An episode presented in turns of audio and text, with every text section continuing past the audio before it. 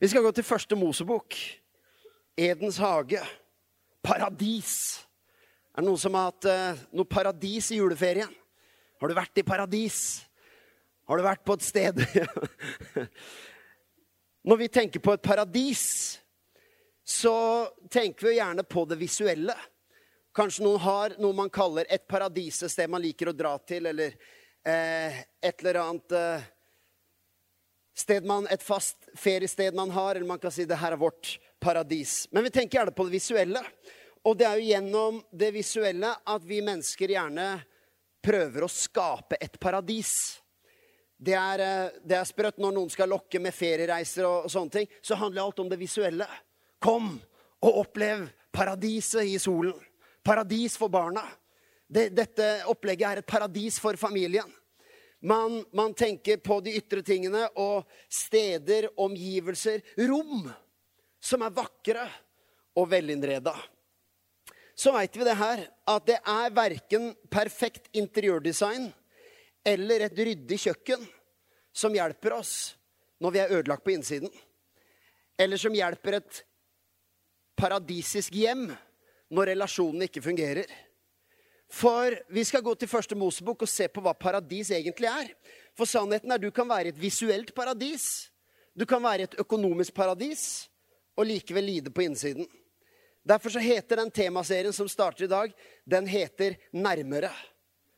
Men det er en grunn til at den heter Nærmere, for den heter ikke finere. Den heter ikke større. Ordet for 2020 er ikke dyrere, hippere, hippere ordentligere men det er nærmere. For det paradiset som alle mennesker egentlig lengter etter, er å komme nærmere. Jeg skal prøve, jeg skal, jeg skal prøve å ikke bli dyp, men, eh, men, nå har jeg hatt eh, lang tid på meg. men det er egentlig fantastisk, og det stikker veldig dypt. Vi ønsker å komme nærme. Først og fremst tror jeg mennesket har en lengsel etter å være nære Gud. Det er utgangspunktet for alt. Men vi har en lengsel etter å komme nærmere noen. Noen vi kan stole på. Noen vi kan være åpne med. Noen som vi kan dele kjærlighet med. Vi ønsker å komme nærmere. Og avstand er noe av det som gjør denne verden destruktiv. Vi lengter etter nærmere, men det er sprøtt hvor ofte vi prioriterer finere. Vi bruker ufattelig mengde ressurser og energi på å gjøre ting finere. Men det mennesket lengter etter, er å komme nærmere. Og det er interessant, det, det, og det her er ikke i, i atmosfæra pekefinger eller anklage, det er bare en betraktning.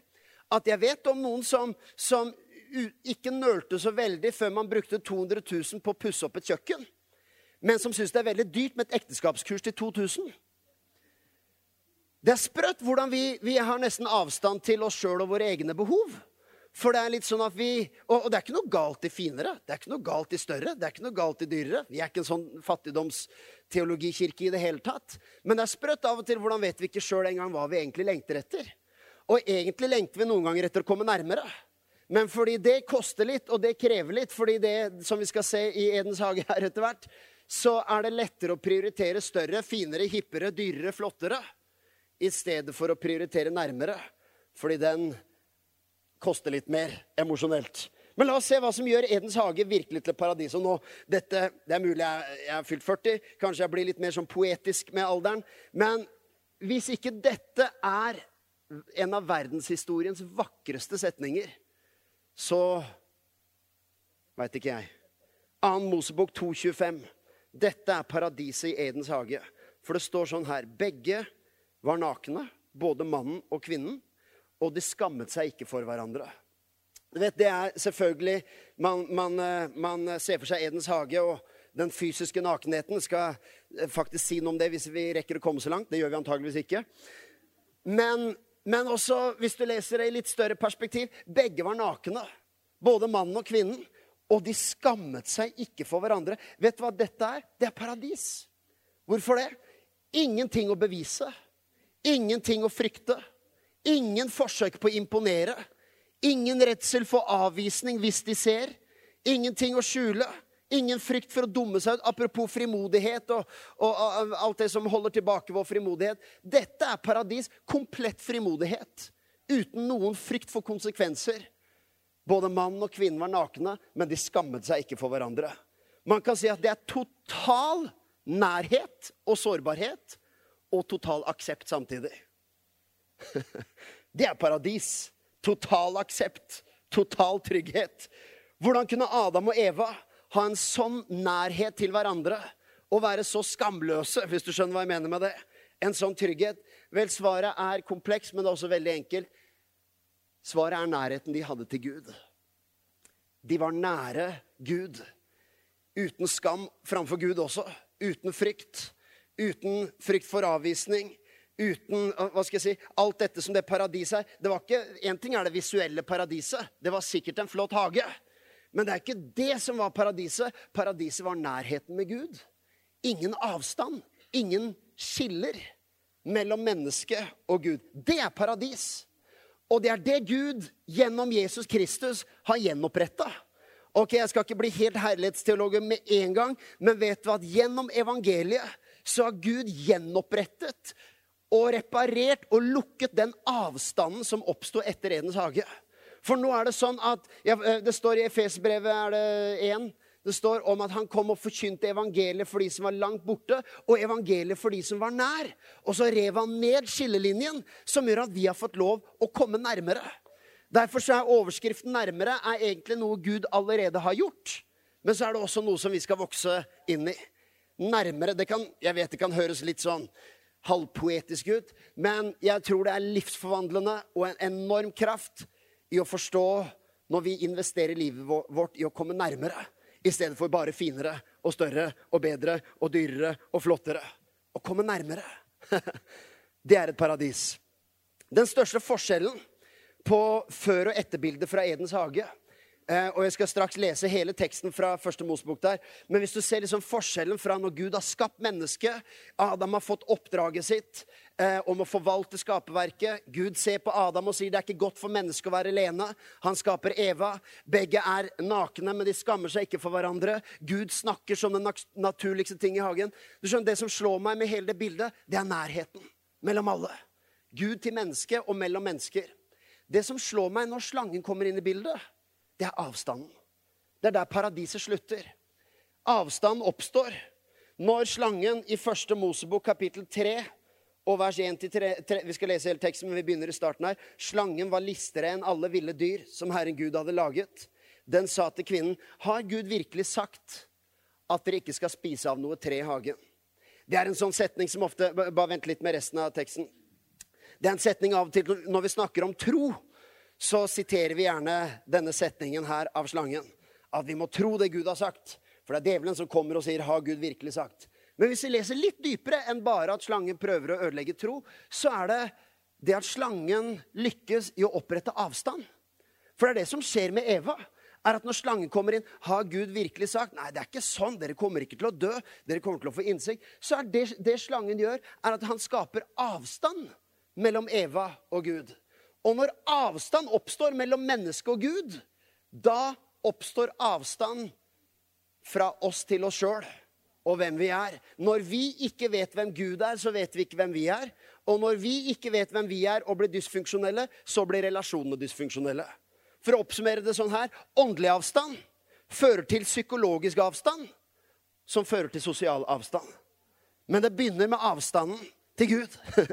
Bare heng på det. Skal, du, skal, du, skal, bli oppmuntra, og du skal sparkes ut her og fly av gårde til parkering. Ikke sparkes ut, det skal du ikke, men sånn positivt sett, da.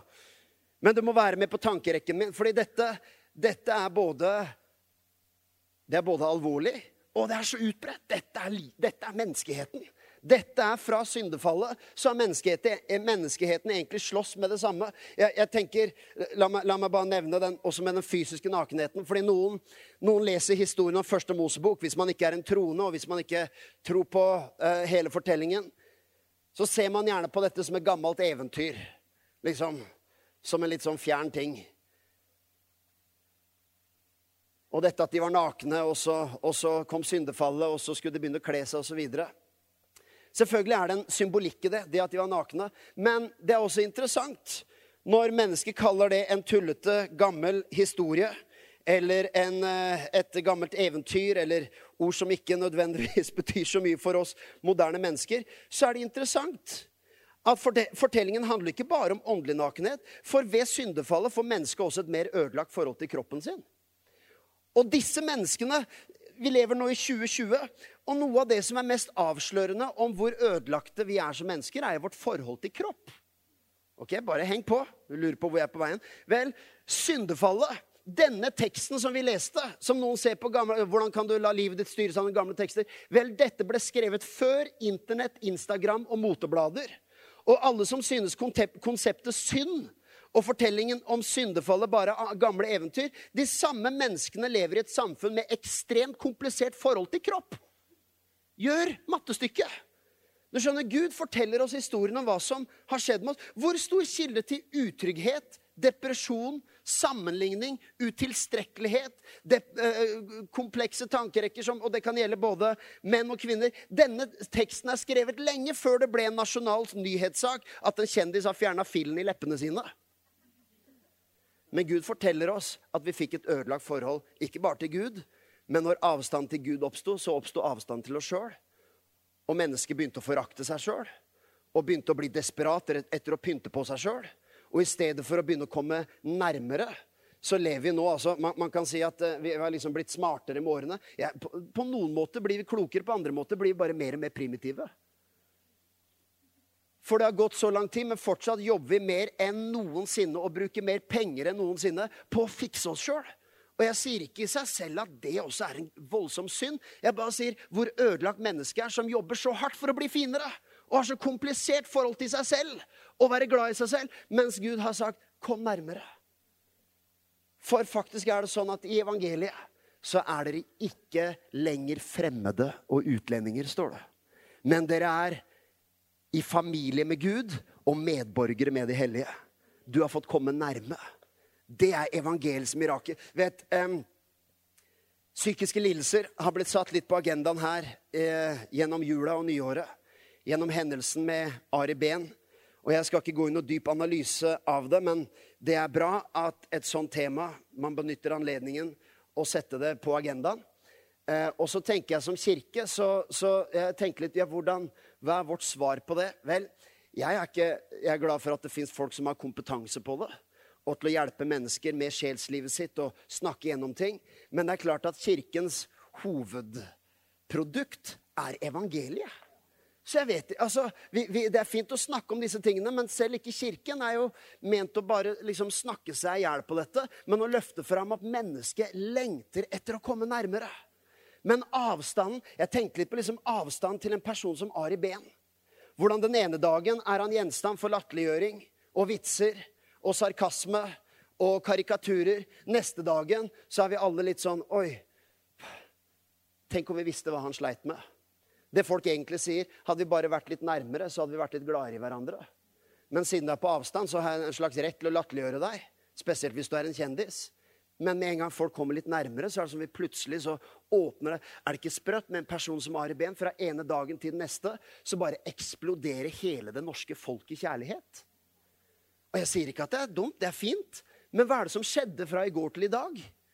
Er det det som må til for at vi uttrykker vår kjærlighet? At vi mister noen?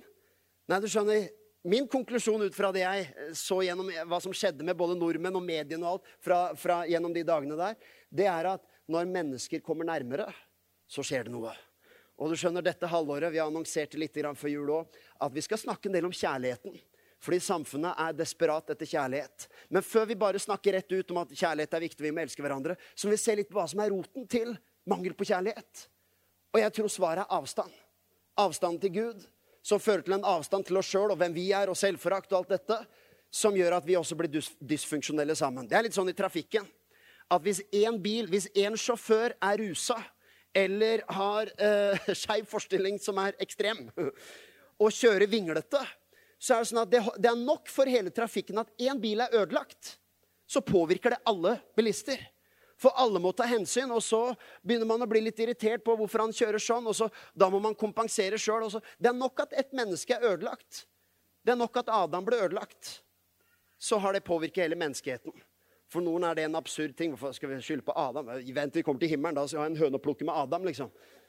Men det er sånn at en trafikant blir dysfunksjonell, så, så, forplanter det seg i hele trafikken. og det, det er det som skjedde med menneskeheten.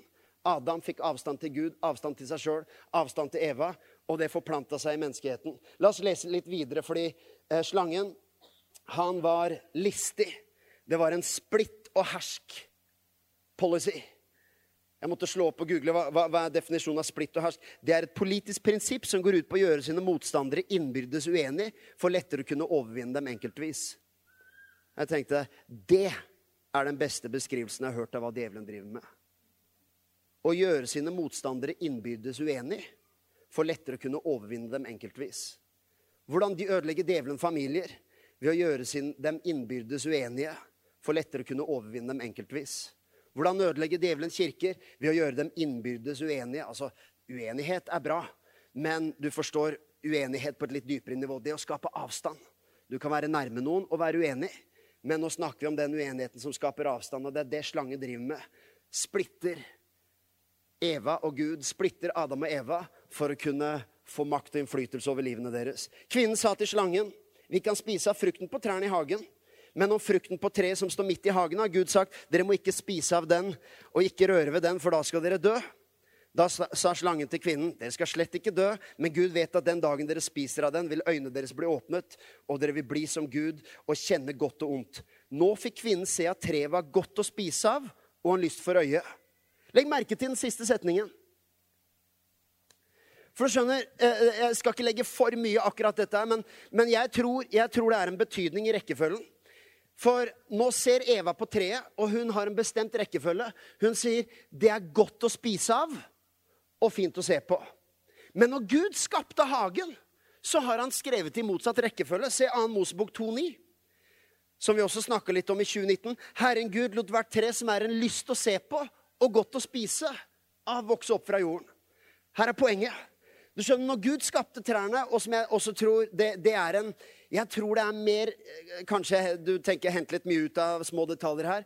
Men i første Mosebok så er det som om hvert eneste setning har tung betydning.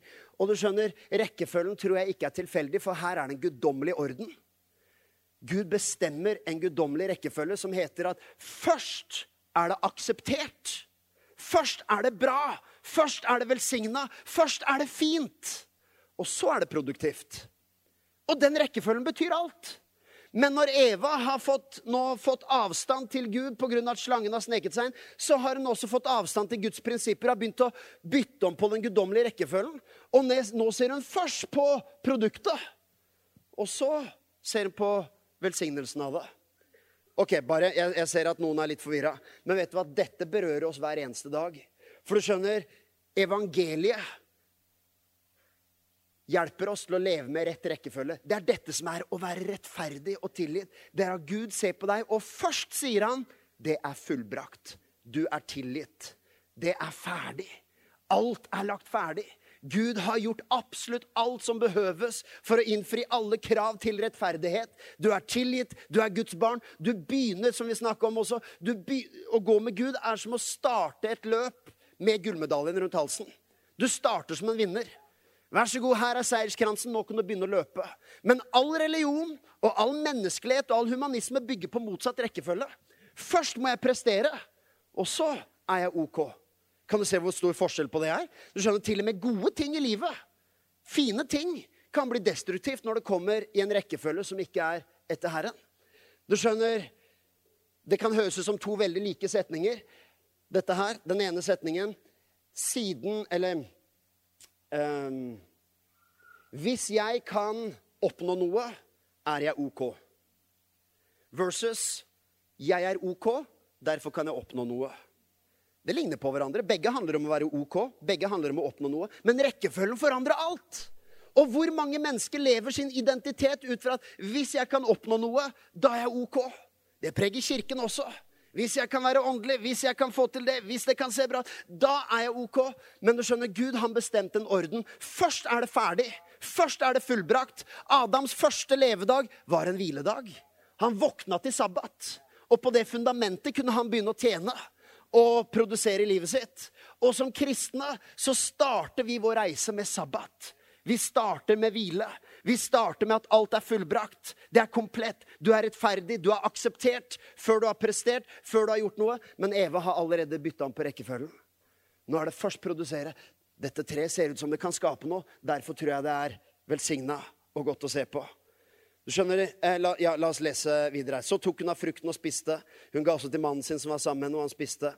Da ble øynene deres åpnet, og de skjønte at de var nakne. De flettet sammen fikenblader og bandt dem om livet. Da hørte de lyden av Herren Gud som vandret omkring i hagen i den svale kveldsbrisen. Og mann og kvinnen gjemte seg for Herren Gud blant trærne i hagen. Her er paradiset over. Adam og Eva gjemmer seg for Gud for første gang. Og det er da du vet dette er begynnelsen på fallet. De gjemmer seg for Gud. Men Herren Gud ropte på mannen. Legg merke til, det er ikke Gud som gjemmer seg. Gud har alltid jakta etter mennesket. Herren Gud ropte på mannen og sa, 'Hvor er du?' Og Adam svarte, 'Jeg, øh, jeg hørte um, lyden av deg i hagen' um, um, og ble redd fordi jeg var naken, og jeg gjemte meg.' Mm. Da sa han, 'Hvem har fortalt deg at du er naken? Har du spist av det treet jeg forbød deg å spise?'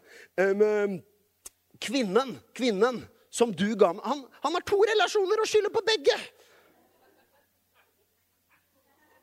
Kvinnen som du ga meg, det er mest Evas skyld, men litt ditt og i hvert fall ikke meg. Som du ga meg, hun ga meg av treet, og jeg spiste. Herren Gud spurte kvinnen, hva er det du har gjort?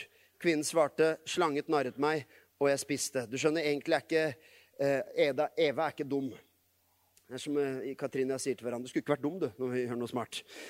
Det er romantisk, da, vet du.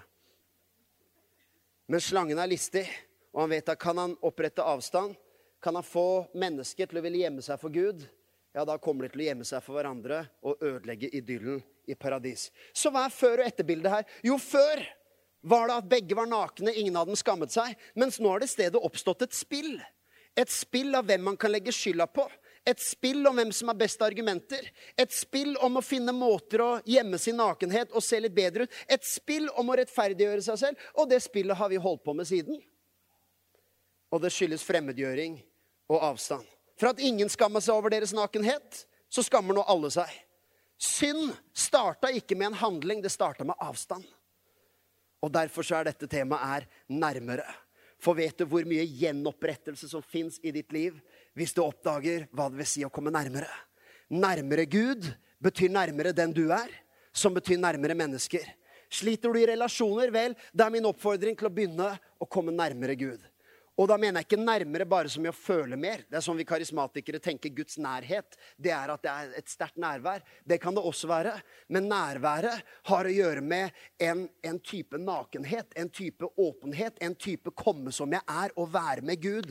En type ikke prøve å gjemme meg eller kamuflere med fikenblader, men å øse ut mitt hjerte for Gud. La Han få lov å se meg som jeg er, for det vet jeg at Han gjør uansett. Og få lov å kjenne legedom og reparasjon i livet. Du skjønner, Det er starten på å reparere både deg selv og de menneskene som er omkring deg.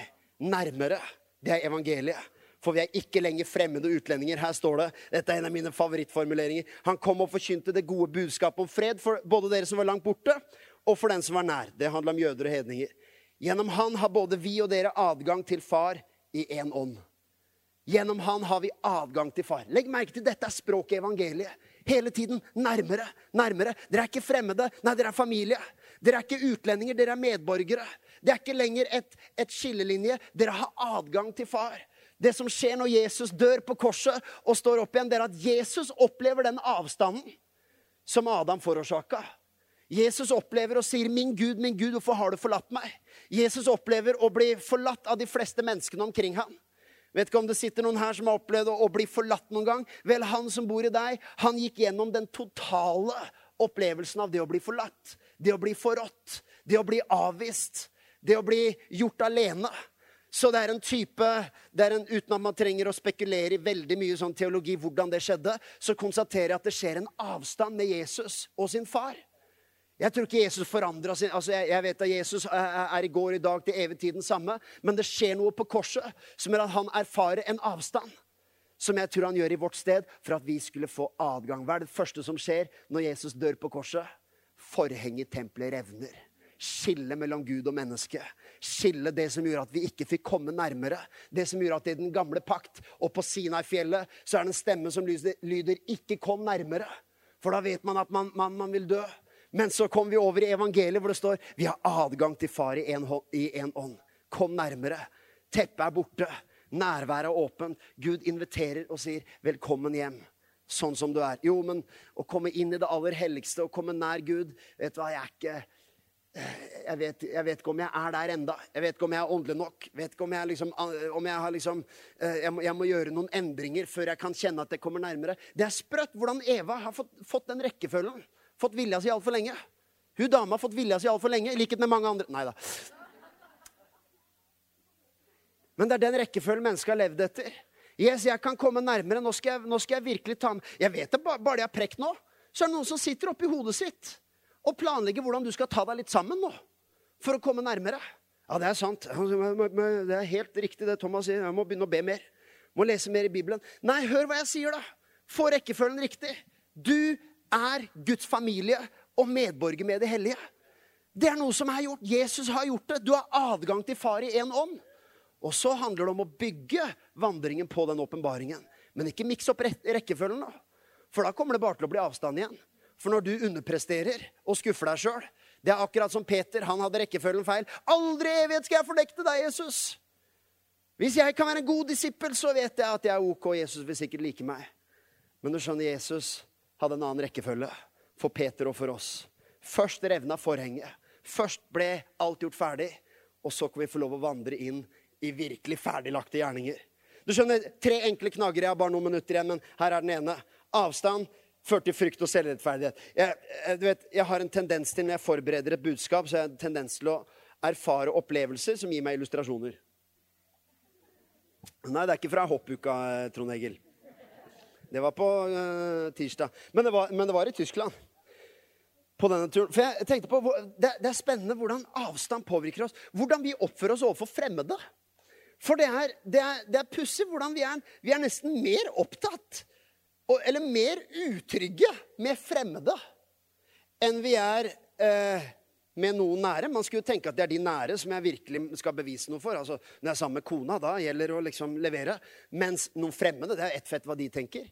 Men mennesket er, vi, vi er så skrudd at vi er litt motsatt. Så hjemme kan vi være oss sjøl, og der kan vi sitte og rape og fise og gjøre det, det som man pleier å gjøre. Mens med fremmede er det veldig flaut. Jeg sa jeg er blitt litt sånn eh, intellektuell i jula her. Men det er jo sprøtt. Med de som faktisk betyr noe for oss, så er vi litt sånn mens, mens, med folk som jeg aldri kommer til å møte igjen, så gjelder det å opptrå korrekt. Og dette fikk jeg illustrert. For du skjønner, Når man dummer seg ut hjemme, så går det fint, og alle kan le av hverandre, og, og det er koselig. Men å dumme seg ut i butikken, da går vi med hodet i skam i to uker etterpå. Hvis man uh, gjorde et eller annet der. Så jeg var på toalett i Tyskland, som man ofte er. Og det er en sånn toalett med bevegelsessensor på lyset. Du har vært på sånne, fordi det er sånn eh, strømsparingstiltak i disse dager. Og da er det sånn at du kommer inn på eh, et toalett som da er mørk, men med en gang det er bevegelse, så slår lyset seg på, ikke sant? Så eh, flott. Og jeg måtte gjøre en ting på do som er sånn som tar litt tid. Så jeg eh, Det er tre båser å velge mellom, og det er alltid spennende valgmuligheter i livet. Én, to, tre. Jeg tar eh, eh, nummer to. Det var naturlig. Så jeg, jeg setter meg på den. Og det tar litt tid. Jeg hadde ikke hastverk heller. Men hva er det som skjer på sånne toaletter når du sitter en stund? Lyset går av. Og det er bekmørkt. Det er totalt, det er ikke en eim av lys i det hele tatt. Og, og jeg er helt aleine inne på doen da, naturlig nok. Og da oppstår et par dilemmaer. Nå får du et par valg. Fordi det ene du prøver på da, det er å få lyset på igjen. Og er, kan jeg låne en stol i full fart? Kan jeg bare ta ytterste stolen der? eller sånn? Fordi dette her er Her sitter jeg og forbereder prekener på et toalett i Tyskland. Du sitter på do, og er, det, du er helt mukkers aleine. Og, og, så må du prøve å få lyset på igjen, så du Kom igjen, Er det andre som har gjort det? Du, du sitter der, og jeg, jeg, ser på meg sjøl Altså, Hvis jeg har noen gang hatt selvforakt, så var det det øyeblikket her. Jeg sitter på en toalett i Tyskland. Men problemet er dette her at det er jo ikke inne på båsen at bevegelsessensoren er. Den er ute ute det, ute i rommet, ikke sant? Så du får ikke noe lys på. Jeg prøver å veive med alle slags mulige greier. Det er jo en helt absurd scene. Men, men det kommer ikke noe lys på. Og da, da, har du på en måte et nytt dilemma. Um, Jeg er allerede langt nede og føler meg mer fremmedgjort fra meg sjøl enn noensinne. Gutten sitter og veiver med armene sine eh, på do. Eh, men eh, Og du, du kan du kan bruke mobilen og få lys på den, men det, jeg, jeg går ikke i detalj på hvorfor det ikke funker. Det gjør det bare ikke. Så du har, et, du har et valg, og det er å gå ut av båsen. Men det er risikabelt. For hvis du er aleine i Tyskland på toalett og akkurat, altså Her sitter du, og så må du ut i rommet for å få bevegelse. Og du er ikke ferdig, ikke sant? så du må liksom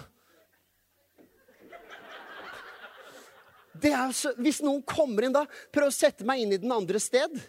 Du kommer liksom inn på do, inn på en mørk toalett, så plutselig henger det en nordmann ut av en bås.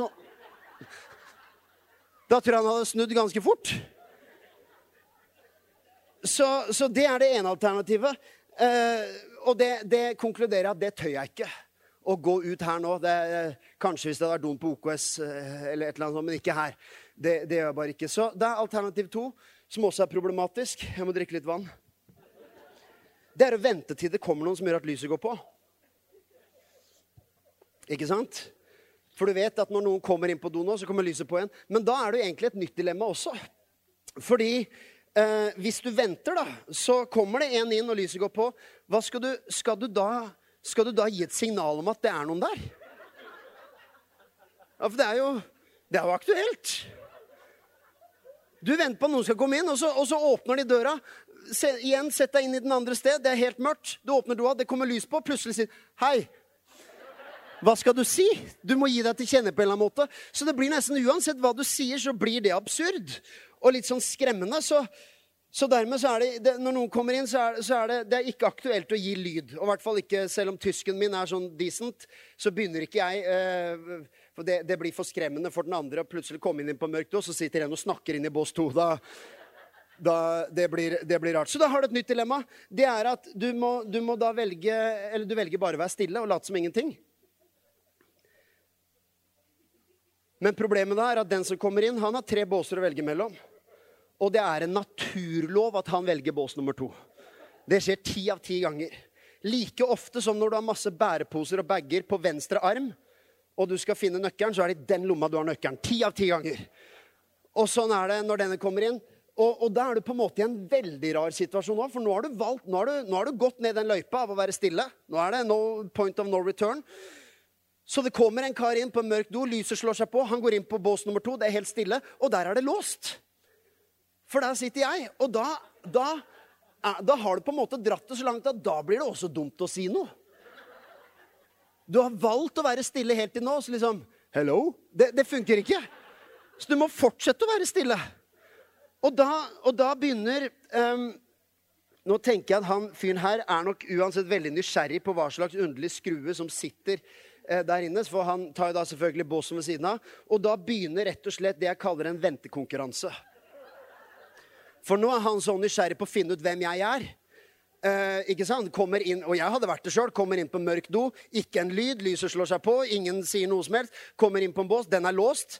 Åpenbart, der er det noen. Setter meg inn ved siden av. Det er fortsatt helt stille. Da er det sånn, vet du hva, Han skal jeg vaske hendene ved siden av etterpå, for jeg må se i øynene hvem han er. Så jeg skjønner jo, så da begynner det ventekonkurranse. Jeg vet jeg kan ikke tape dette nå. Nå må jeg vente ut han. For problemet er hvis jeg tenker at jeg skal være raskere enn han, så jeg tenker, nå skal jeg ut, så jeg skyndte meg. Da vet jeg, da kommer han også til å speede opp, ikke sant? for han vil se hvem jeg er. Så hvis han hører at jeg gjør meg ferdig, så, så det handler bare om å vente. Vente, vente, vente, vente. I Tyskland, for dere fra, som fulgte med på humorserie på 80-tallet Dette var Dortmund, det Warterhalle i, eh, i eh, seniornivå. Tida mi er ute. Jeg må avslutte, faktisk. Men, men, jo, så, så, så, vi venter. Men, men, eh, men, så, så, er jo saken dette her at um, eh, Da er det jo litt sånn bevegelse innimellom. Det er jo, det er jo, det er jo flere, flere, som går inn og ut, men bås nummer to og tre er, de er opptatt ganske lenge. Jeg vet, jeg vet, at han venter på meg. Jeg vet at han venter. Så, men jeg tenker det, denne taper jeg ikke. Denne taper jeg ikke, så jeg venter. Men egentlig har du bare enda et problem, fordi jeg venter til han gir opp. Han er ferdig, jeg vant. Han uh, vasker seg. Nå vet jeg han venter på meg utafor. Og på en måte har, har, det bare blitt mer absurd enn det noen gang kunne ha blitt. Han kom inn på et mørkt toalett. Lyset går på. Døra er låst. Det er ikke et knyst. Han setter seg i båsen ved siden av. Venter kjempelenge, fortsatt ikke en lyd. Han gir til slutt opp og går ut. Og da, da er det sånn Å komme ut da sånn, da Da går du med bøyd hode. Og jeg gikk videre inn på, den, eh, på, på, på det stedet og tenkte, vet du hva? Alt dette er Adams skyld. Dette er menneskeheten. Dette er så lavt vi har kommet. Dette er Altså Tenk å ha så mye frykt overfor en vilt fremmed. Hæ? Du skjønner? Avstand. Og jeg, jeg, jeg illustrerer det til deg gjennom, eh, gjennom eh, festlige, uskyldige historier. Men avstand produserer skam og frykt og selvrettferdighet og forsøk på å bevise et eller annet. Vet, det er samme med fremmedfrykt. Når mennesker rett og slett, La oss av og til noen ganger kan vi sette, kalle en spade for en spade og kalle det rasisme. Det fins mennesker som har rasisme, som rett og slett ser ned på mennesker av andre hudfarger og andre nasjonaliteter.